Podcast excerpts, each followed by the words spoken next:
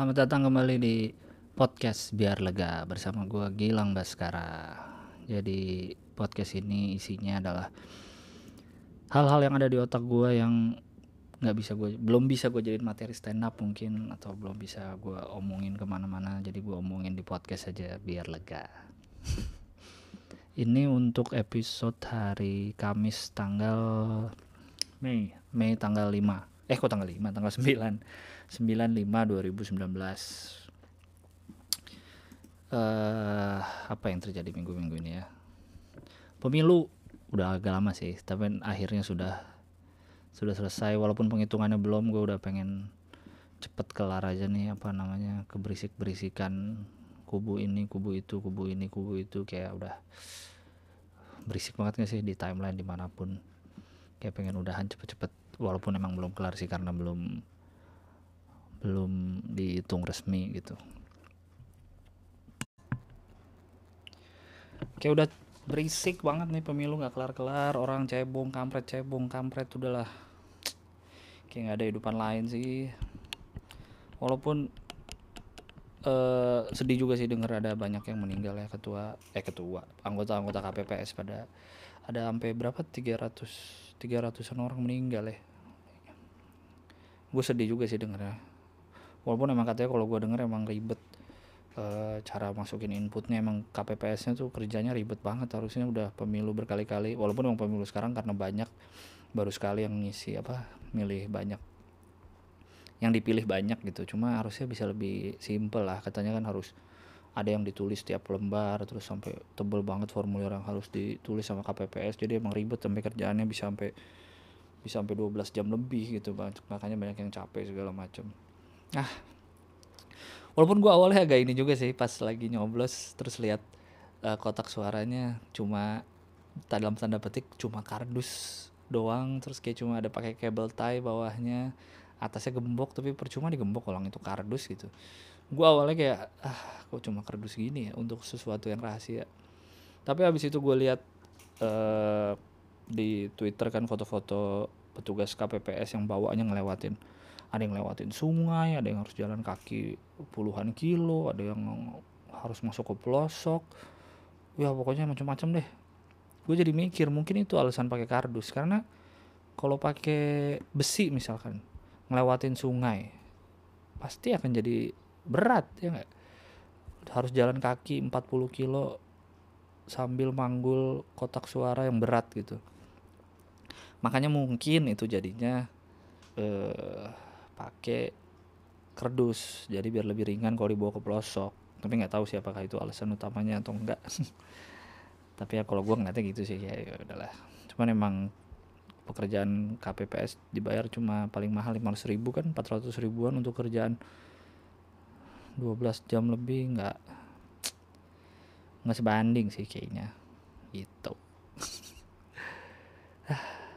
Terus apa lagi yang gue lakukan minggu ini ya gue nonton acara musik di The Palace ada Sal Priadi, Kunto sama Kunto Aji sama Tulus. Sebenarnya terutama gue pengen nonton Kunto sama Tulus sih. Karena Sal Priadi gue tidak tahu musiknya, cuma tahu satu lagu yang soundtrack mantan-mantan. Uh, gimana musiknya ya? Kayak nggak tahu sih, nggak tuh gitu cocok sih di kuping gue. Atau mungkin karena baru sekali dengar kali ya. Walaupun live-nya keren sih terus Kunto emang gue udah semenjak dengerin album mantra-mantra sudah ingin sekali nonton beliau live tapi belum jadi-jadi. Waktu di Synchronize Fest tahun lalu dia di panggung lain tapi gue lagi apa ya lagi makan atau lagi nonton yang lain jadi nggak nonton. Akhirnya kemarin lihat live. Wah emang keren sih. Kalau yang belum dengerin album mantra-mantranya Kunto coba didengerin. Uh, jangan dengerin cuma sekali karena kalau dengerin sekali aneh gitu. Gue pertama kali dengerin kan sekali dengerin kayak anjing ini apaan sih albumnya? Dibanding album pertama yang lagunya gampang diterima kuping gitu ngepop. Tau-tau lagu aneh-aneh gitu yang di album kedua kayak oh, ini gimana sih lagu itu? Kan pas didengar berkali-kali anjing keren juga nih. Musiknya tuh gimana gitu. Asik deh. Yang video klip Rehat juga langsung banyak yang suka. Terutama lagu Rehat kayaknya paling banyak suka sih. Tapi kalau gue paling suka lagu Pilu Membiru. Paling gimana gitu feelnya. Kan katanya juga dia bikin kayak untuk rehat tuh pakai lagu eh apa namanya frekuensi lagunya tuh yang emang secara saintifik tuh membuat orang tenang makanya rehat. Terus untuk yang rencang-rencana tuh pakai frekuensi berapa yang bikin orang apa gitu. Jadi emang sudah direncanakan semua katanya keren banget. Jadi gue akhirnya bisa melihat uh, beliau Kunto Aji live itu keren sih terus dia pakai yang gitar kecil itu kan yang bikin apa sih kayak suaranya jadi aneh gitu. Nggak tahu apa namanya tuh. Habis itu yang terakhir tulus. Tulus kayaknya malam itu banyak paling ditunggu sih. Dan itu kayaknya juga pertama kalinya gue ngeliat tulus live. Kayaknya ya. Gue juga ngikutin Tulus dari album pertama. Menurut gue dia juga bagus-bagus banget lagunya sebagai penulis lagu dan penyanyi. Liriknya tuh eh uh, gitu kayak bisa gitu ya nulis lirik gitu kayak. Gue ngeliatnya kok bisa orang nulis lirik? Kayak gitu ya. Pembawaannya apa ya? Di panggung tuh dia kelihatannya menyenangkan sih. Menyenangkan gitu di panggung kayaknya. Uh, dia kayaknya emang senang untuk nyanyi gitu. Jadi nontonnya juga nontonnya juga asik. Keren deh pokoknya gue kalau ada kesempatan nonton nonton live sih pengen kalau nonton musik tuh emang serunya live sih. Kalau yang di Jakarta jangan lewatkan Synchronize Fest gue udah datang dua tahun terakhir dan musiknya macam-macam dan seru. Gue udah beli untuk yang tahun ini Oktober. Jadi mending cobain nonton musik live pasti lebih. Cihui. Gue pengen ngomongin apa tadi ya? Oh ya film gue nonton akhirnya gue nonton uh, kucumbu tumbuh kucumbu tumbuh kucumbu tubuh indahku yang katanya di di blok sama wali kota Depok di band katanya karena mengandung unsur LGBT dan takutnya membuat orang-orang yang menonton ikut LGBT juga. Mungkin ada benarnya kali ya karena emang kacau film tuh efeknya sih. Gue habis nonton Avengers masa gue langsung bisa bikin armor kayak Iron Man tuh gara-gara film emang kacau film tuh. Film game memang ngaruh banget bener. Emang game bikin kekerasan bener. Gue habis main GTA langsung ngerampok mobil gue main GTA dari SD bener. Gue habis main apa namanya habis main PES gue langsung jago main bola loh bener. Gara-gara game bener banget tuh harus di ban bener-bener deh film-film tuh ih kacau. Gue nonton Toy Story langsung jadi kartun gue besoknya. Kacau emang film-film itu. Walaupun kucumbu apa ya khas film festival banget ya yang harus dimengerti gitu nih ada maksud tersembunyinya apa ya. Pemainnya se sepenglihatan gue nggak ada yang pemain terkenal kayaknya sih. Yang gue kenal cuma Randy Randy Pangalila doang dan itu dia bukan peran utama. Terus uh, peran utamanya ih sorry sorry. Kan dia tentang penari lengger kalau nggak salah namanya. Di Jawa yang penari berpakaian wanita tapi yang yang nari tuh cowok-cowok semua. Cuman berpakaiannya seperti wanita tentang kehidupan penari lengger. Tapi bukan kisah nyata tapi terinspirasi dari kehidupan itu. Terus ya emang ada tentang uh, hubungan sesama jenisnya. Terus yang gue ini sih pemainnya actingnya bagus-bagus banget gila. Dari mulai supportingnya pemeran utamanya uh, yang si pemeran utama yang anak kecilnya. Anak kecilnya juga mainnya bagus banget kayaknya emang pemilihan castnya tuh udah dari apa sih teater-teater gitu kayaknya. Gari Nugroho masa mau mau milih yang sembarangan ya intinya katanya tentang bagaimana menghargai tubuh kita sendiri katanya sih gitu kalau gue baca-baca ya. Tapi secara tontonan sih gue menarik-narik aja sih gue nonton di Blok M Square dan penuh sampai depan yang nonton. Mungkin ya efek karena mau di mau di boykot juga kan orang jadi makin rame gitu ya. Biarin aja dah yang boykot jadi rugi. Dia nggak dapat apa-apa filmnya makin rame. Dan tentu saja nonton Avengers dong. Ya nggak? Ya nggak? Ya nggak? Ya nggak? Ya nggak? Ya Avengers Endgame. Hari Senin kemarin uh, Russo Brothers sutradaranya sudah meresmikan kalau boleh spoiler lagi sekarang. Jadi sudah boleh diomongin sudah boleh diomongin kalau Tony Stark mati bersama Natasha Romanoff dan Thor jadi gendut. Dan gimana ya gue masih gue tuh selalu ngebayangin gimana perasaannya jadi kru dan jadi penulis jadi sutradara bikin film yang ditunggu oleh satu dunia gitu. Pasti ah anjing deg-degan banget ya kalau gue nulis cerita gini. Gimana ya orang suka nggak ya? Dan itu walaupun emang hasilnya ternyata gila banget sih. Gue gue nonton hari pertama jam 2 siang. Nggak nggak sampai jam 5 pagi juga sih. Gue jam 2 siang nonton hari pertama. Dan serunya nonton hari pertama adalah berarti lu satu studio dengan orang-orang yang memang excited ingin nonton ini. Dengan dia milih hari pertama berarti emang dia pengen banget nonton kan? Dan lu ngeliat hari pertama itu serunya orang teriak orang wow. Terus wow tepuk tangan pas adegan bagus. Wow. Pas siapa muncul wow. Itu tuh. Itu menurut gue yang nggak bisa ditemuin dari nonton hari-hari berikutnya gitu. Karena hari pertama orang-orang tuh se excited itu gue sampai banyak banget adegan yang bikin terutama ya pasti semua orang sama sih. Paling merinding saat saat uh, Avengers yang lain muncul dari lubang-lubangnya Doctor Doctor Strange. Muncul satu-satu pasti semua sambil ngabsen kan oh, itu itu Black Panther muncul. Si ini muncul si ini muncul si ini muncul si ini muncul. Saat muncul semua disorot dari samping anjing tuh merinding banget sih ngeliatnya. Merinding tuh habis itu pas kaptennya ngomong Avengers! Assemble.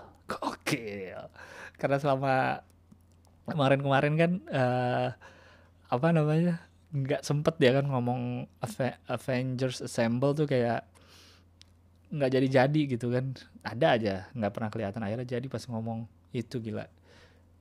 Ah luar biasa sekali itu film.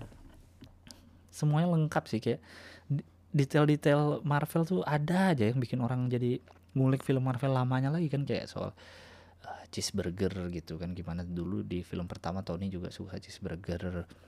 Terus di film pertama Yansen yang bantuin Tony di dalam gua bikin armor pertama kali kayak bilang uh, lu dia nyelamatin Tony terus kayak don't waste it gitu. Ternyata karena dia nyelamatin ternyata Tony yang nyelamatin dunia ini terakhirnya kan dari Thanos. Gimana walaupun Tony dulu kayak orang kayak orang jahat sebenarnya kan dalam tanda petik karena dia jualan senjata tapi si Hansen tetap bantuin. Dan akhirnya ternyata emang Tony nyelamatin dunia. Terus gimana pas di Age of Ultron nggak nih gue baru tahu nih kemarin dari teman gue di Age of Ultron mereka sempat mimpi Tony sempat mimpi kalau semua mati Avengersnya. Cuma Tony doang yang hidup terus si Captain bilang harusnya lo bisa nyelamatin kita semua. Eh benar terakhir selamatin. Gila Marvel. Gila lo pada lo semua lo orang-orang Marvel lo bisa bikin film kayak gitu ya. Bener-bener gimana ya? Terus semua masalah selesai. Thor sama ibunya uh, Tony Stark sama bapaknya, Steve Rogers sama Peggy, ketemu semua akhirnya kan. Bisa nyelesain masalahnya masing-masing. Luar biasa banget bisa bikin film kayak gitu ya. gue masih, gue baru nonton sekali sih sejauh ini. Dari kemarin pengen nonton lagi, pengen nonton lagi belum belum belum kejadian gitu karena gue pengen merhatiin merhatiin lagi detail-detailnya segala macam. Terus apa ya jadi nonton film-film sebelumnya tuh jadi kayak oh pantas begini oh pantas begitu. Bisa banget gitu sih Marvel gabungin uh, film-film apa detail-detail di film sebelumnya entah apakah sudah direncanakan dari awal gitu apa dari semenjak 2008 mereka udah nulis film sampai 2019 gitu gue nggak ngerti deh gimana. Bisa narik lagi istilahnya bisa callback ke film sebelumnya apakah emang tuh detail-detail yang udah disiapin dari dulu atau baru kepikiran atau pas nulis uh, endgame kayak lihat film-film yang dulu ah detail apa yang bisa dimasukin ya gitu. Pakai gitu entahlah gimana cara kerja nulis film di Marvel tuh bisa bikin film kayak gitu. Dan yang yang gue perhatiin ya yang kayak gitu tuh kayak di hari pertama orang pasti teriak seneng gitu. Hal-hal kayak gitu yang biasanya ya orang lain tidak mengerti. Ya gak? pasti orang kadang orang ngelihat kayak gitu kayak apaan sih norak banget nonton bioskop? Teriak-teriak apaan sih ngeliat nonton bioskop tepuk tangan? Buat apaan nonton bioskop tepuk tangan? Kalau nonton teater gitu ada orangnya langsung nggak apa-apa tepuk tangan nonton bioskop tepuk tangan apaan ngapain? Gitu. Dulu gue juga sempat menganggap norak hal-hal kayak gitu. Dulu gue nganggap norak orang yang kayak gitu. Terus gue kalau nonton misalnya nonton pensi atau nonton musik live lah pokoknya ngeliat orang yang ngelihat orang yang jogetnya tuh, uh, sampai menghayati banget, joget nyanyinya sampai sampai dalam hati banget, sampai wah menghayati gue tuh agak apaan sih? Biasa aja kali. Dulu gue sempat menjadi orang yang seperti itu gitu mikir apaan? Biasa aja lah kali nggak usah sampai gitu banget nggak usah sampai gitu banget. Tapi sekarang makin sini gue jadi nyadari justru gue iri sama orang-orang kayak gitu sekarang. Karena mereka bisa segitunya gimana ya karena mereka bisa semasuk itu dalam dunia musik gitu semasuk itu dalam dunia film dalam dunia yang cuma fiktif tapi bisa semasuk itu ke ke hidupnya ke otaknya. Gue malah sekarang jadi ini kok bisa kayak gitu ya? Dan mereka nggak peduli sama orang lain kan. Mau di acara musik joget diliatin orang nggak peduli karena anjing nih musiknya udah masuk di gue terus mau apa lo gue seneng. Itu tuh. Nggak bisa nggak bisa di logikakan kalau kita tidak di dunia yang sama dengan dengan dia gitu. Kayak gini lah kayak kayak kita pasti kita pasti bingung tidak ngerti sama hobi orang. Sudah pasti sih. Dan orang nggak akan ngerti sama hobi kita kalau orangnya beda hobi ya. Pasti. Jadi lu nggak usah heran kalau ada orang yang hobi ngumpulin perangko hobi ngumpulin kartu remi hobi ngumpulin uang lama. Gue nggak ngumpulin perangko tapi kalau gue ngeliat orang ngumpulin perangko gue bingung ngapain sih lu ngumpulin perangko aneh banget. Gue ngoleksi mainan gitu. Sama suka beli uh, sneakers. Orang pasti ngeliat gue juga aneh ngapain sih lu lang beli mainan mulu? Aneh lu udah gede beli mainan mulu. Ah sama aja kalau gue ngeliat orang gitu. Jadi kita tidak akan pernah mengerti hobi orang kalau kita tidak ada di dalam dunia hobi yang sama tersebut. Jadi lu nggak usah heran kalau ngeliat ada orang yang uh, nonton musik sampai segitunya nonton Avengers sampai segitunya teriak-teriak. Karena kita nggak ada di dunia itu kalau lu biasa aja sama hal tersebut ya. Lu ngeliat orang ngapain sih beli modif motor mahal-mahal sampai lebih mahal dari harga motornya? Ya namanya hobi. Susah susah dilogikakan kalau kita tidak ada di dunia di dunia tersebut gitu. Makanya gue sekarang lebih mengapresiasi eh bukan bukan lebih ya maksudnya lebih lebih maklum dengan orang-orang kayak gitu. Seneng gue lihat jadinya kayak orang bisa nyanyi segitunya bisa joget segitunya. Kayak uh, kemarin deh berapa berapa hari yang lalu tuh uh, apa Liverpool lawan Barca. Liverpool lawan Barca yang Liverpool menang. Yang Liverpool Liverpool menang 4-3 gue bukan penonton bola ya tapi gue melihat itu dan pendukung Liverpool tuh senengnya setengah mati sampai nangis loh karena belum juara baru masuk mau masuk final kan kemarin tuh. Baru mau masuk final Pen, pendukung Barca nangis karena tidak lolos. Pendukung Liverpool juga nangis terharu karena lolos timnya.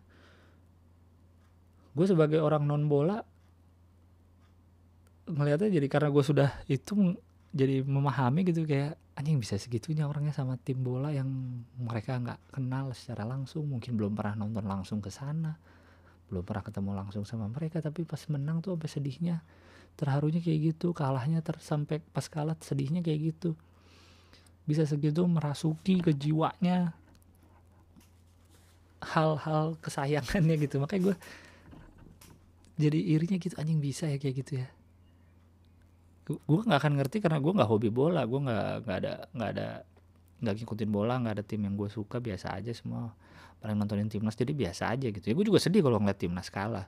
Kayak gitu mungkin tapi ini kayaknya lebih menghayati banget apalagi misalnya udah dukung Liverpool dari 10 tahun yang lalu gitu mungkin eh, jarang dapat piala lagi kan terus baru ada kemungkinan lagi masuk menang Champions.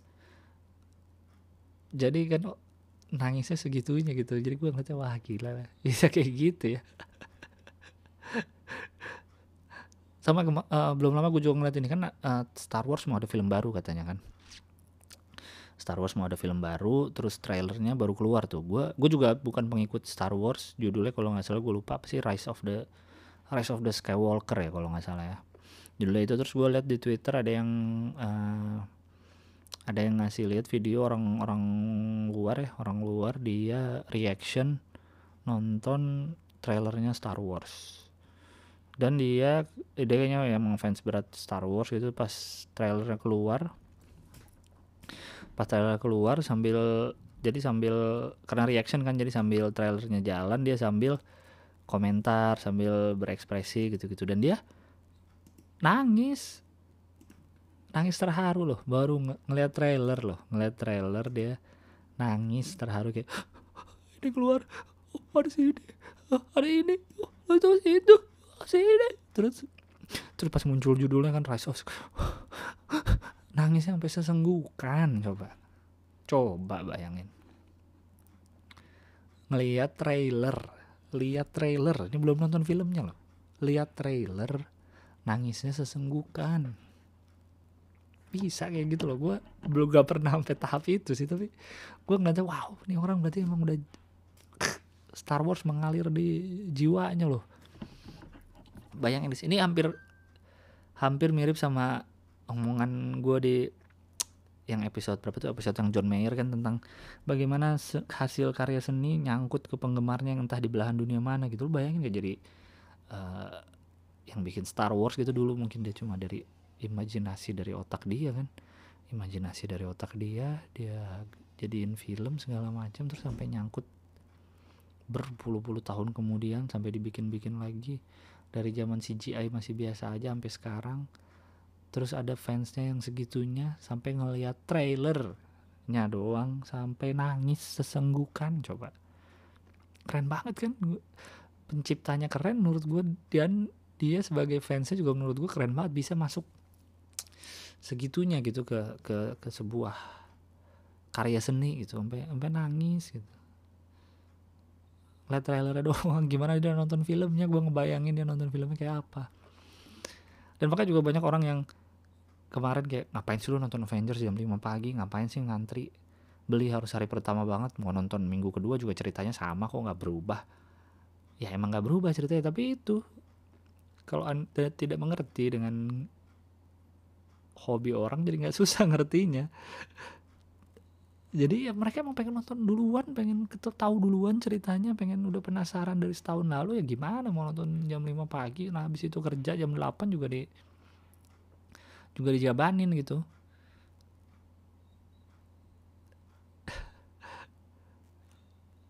Keren banget kan kayak sampai sesuatu ke segitunya. Karena karena menurut gue tidak semua orang walaupun semua orang pasti punya hobi sih sebesar atau sekecil apa pun hobi semua orang punya. Tapi belum tentu tiap orang punya sesuatu yang dia fanatikin banget gitu. Gue kayaknya nggak ada yang gue sampai fanatik banget. Fanatik banget. Ya waktu konser John Mayer gue agak menitikan air mata gitu karena keren tapi gue nggak sefanatik itu sih biasa aja. Bukan yang fanatik banget gitu. Nggak juga nggak ada kalau gue kayaknya sih.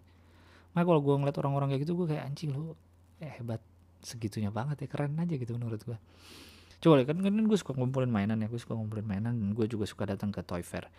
Di Jakarta yang paling besar kan biasanya Jak Toy Fair tuh bulan Maret kemarin udah. Di Balai Kartini.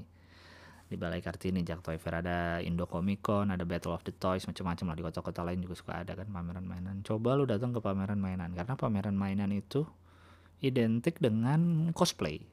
Bareng sama cosplay biasanya kadang malah kalau ada event-event gitu kalau lu datang pakai kostum lu cosplay itu uh, dapat harga tiket lebih murah atau bahkan gratis. Kan kadang ada yang kayak gitu kalau lu pakai kostum gratis masuknya. Dan lu lihat orang-orang yang datang pakai kostum. Lu lihat betapa niatnya. Kadang emang ada yang dilombain sih cosplaynya. Tapi ada yang juga yang mereka emang pakai kostum aja selalu. Karena gue bertahun-tahun udah berapa tahun terakhir kan datang mulu ya. Kadang gue apal orangnya itu itu aja tuh terutama yang Star Wars ya kan itu ada klubnya apa apa sih namanya gue lupa tuh uh, komunitas pecinta Star Wars tuh. Orangnya itu itu aja gue perhatiin tuh. Uh, jadi gue lihat berarti selalu pakai kostum ke situ dan nggak ikut lomba. Kalau ikut lomba iyalah kelihatan gitu. Tapi ada yang kayak gitu terus ada yang pakai yang banyak juga kan anime-anime ya. Anime kan gue nggak banyak tahu juga. Uh, yang rambutnya biru muda tuh siapa tuh? Nah itu. Terus pakai yang Naruto Narutoan. Pakai kostum. Ya walaupun kostum Jepang rambutnya kuning tapi mukanya mas-mas Jawa. Sorry ya. Tapi emang kadang mukanya mas-mas Jawa. Tapi dia pede itu intinya. Pede. Lo nggak peduli. Dia berangkat dari rumah. Gue pengen jadi Naruto hari ini. Lu mau apa gue Naruto nih setahun sekali nih di Toy Fair nih. Ya setahun dua kali lah mungkin. Lu mau apa? Gue Naruto. Gitu. Gue bukan karena gue nggak di situ gue ngeliat apaan sih dia orang? Pede banget. Tapi dia dalam hatinya gue Naruto hari ini lu mau apa? Itu yang menurut gue anjing keren banget lu lihat yang Star Wars ya banyak bapak-bapak loh. Bukan banyak yang bilang gue ngapain sih lu lang? Udah gini udah gini masih beli mainan. Ada bapak-bapak lebih tua lagi. Pakai kostum. Gue nggak pernah pakai kostum ke Toy Fair. Gue pakai kostum manusia biasa. Kaos celana jeans sepatu udah. Iya pakai kostum bapak-bapak ke acara kayak gituan. Coba bayangin. Dia pasti juga bangga. Pasti gue yakin dia nggak malu. Dia bangga pasti. Justru dia nunggu momen-momen kayak gitu dia bisa pakai kostum Star Wars. Dan mungkin kalau ketemu teman kantornya di Toy Fair yang nggak tahu kalau dia suka cosplay nggak akan malu juga pasti dia. Teman kantornya mungkin bingung lah. Lu selama ini kantor diem-diem ternyata lu stormtrooper. Kayak gitu. Dia pasti bangga oh iya dong bro masih gini-gini gitu.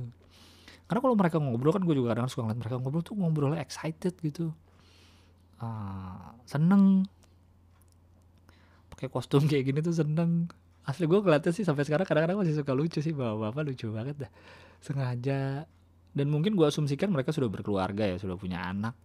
Sudah pasti anaknya di di apa namanya diracuni juga dong dengan Star Wars. Masa kalau enggak aneh gitu bapaknya berangkat pakai kostum terus anaknya bapak mau ke mana pak?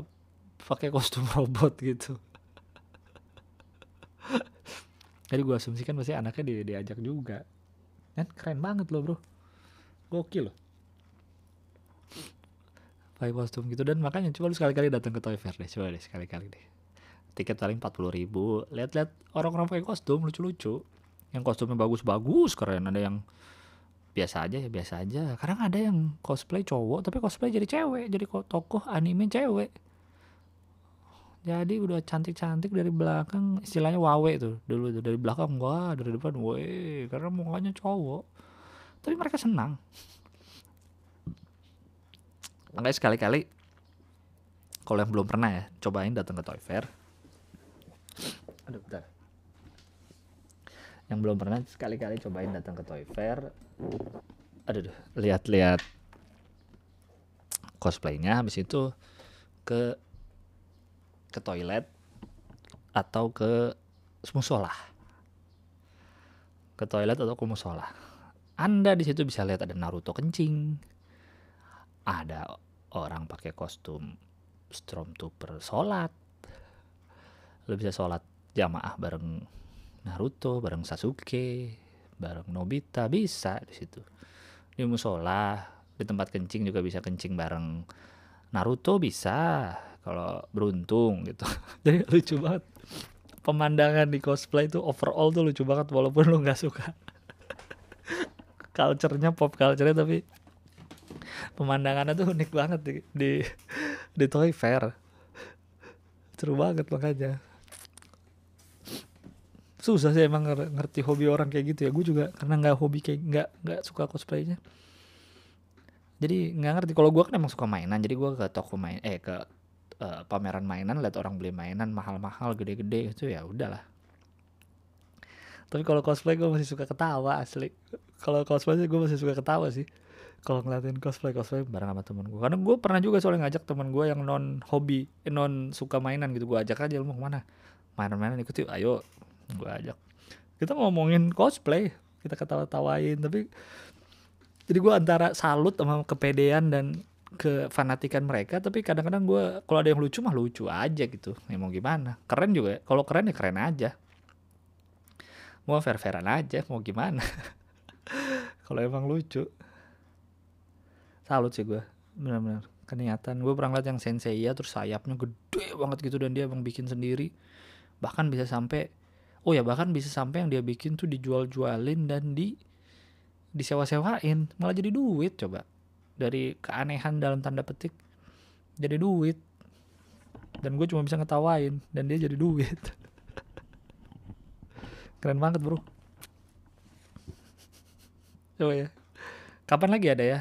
Biasanya udah lewat sih toy sejak toy fair. Biasanya akhir tahun tuh ada Battle of the Toys kalau di Jakarta ya. Battle of the Toys sama ada Indo Comic Con biasanya.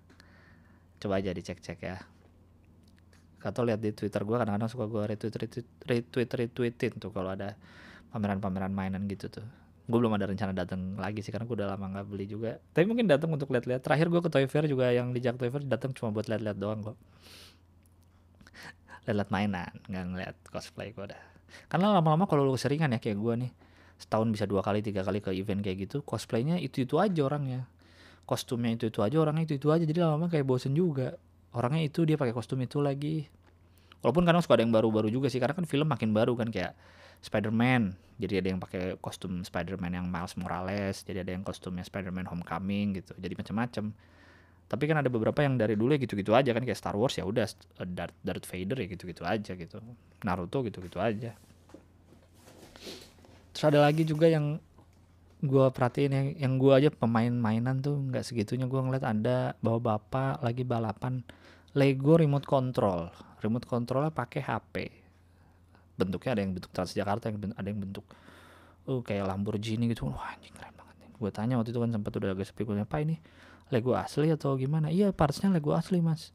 Partsnya Lego asli tapi ini tidak ada Lego yang bentuknya mobil kayak gini. Terus jadi gimana?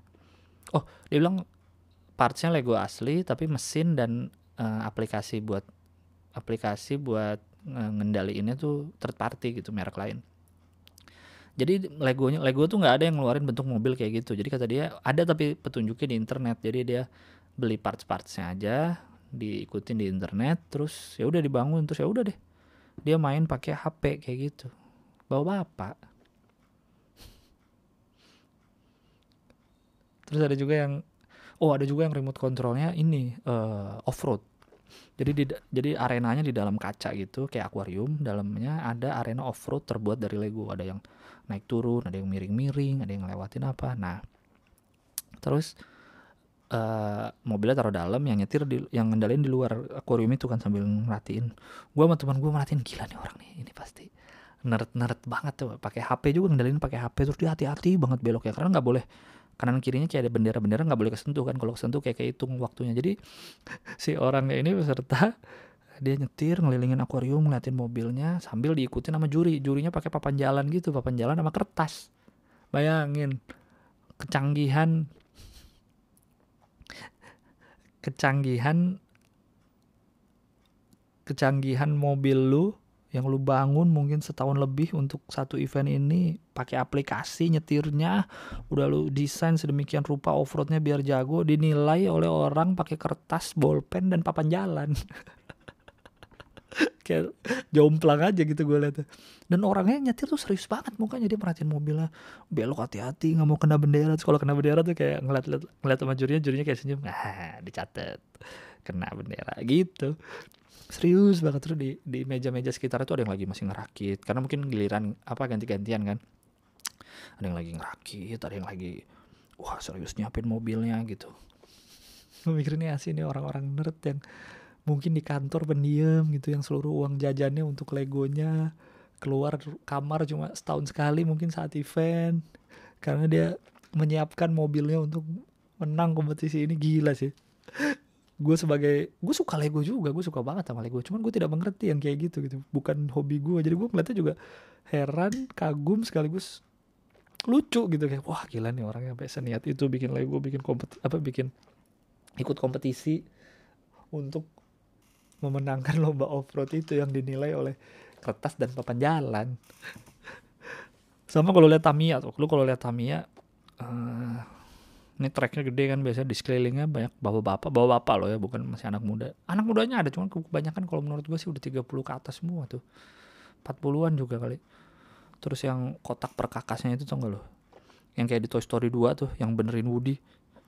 Yang kotak perkakas dibuka, bisa dibuka lagi, dibuka lagi, dibuka lagi, dibuka lagi dan itu isinya peralatan. Mini four wheel drive semua peralatan Tamiya. Bawa, uh, orangnya di depan situ. Dia duduk duduk sambil duduknya pakai kursi kecil kayak yang biasa buat nyuci tuh diingklik dia udah bawa diingklik ditaruh depannya. Taruh diingklik dia duduk sambil bikin ada kaca ada cermin gitu ada lampu. Jadi dari kotak perkakas itu keluar lampu semua lengkap. Bahkan ada yang punya kayak TV kecil gitu jadi sambil ngerjain sambil nonton TV gokil. Peralatannya lengkap banget coba. Coba baru bayangin untuk mobil kecil pakai baterai segitunya. Seru loh coba lu sekali-kali deh.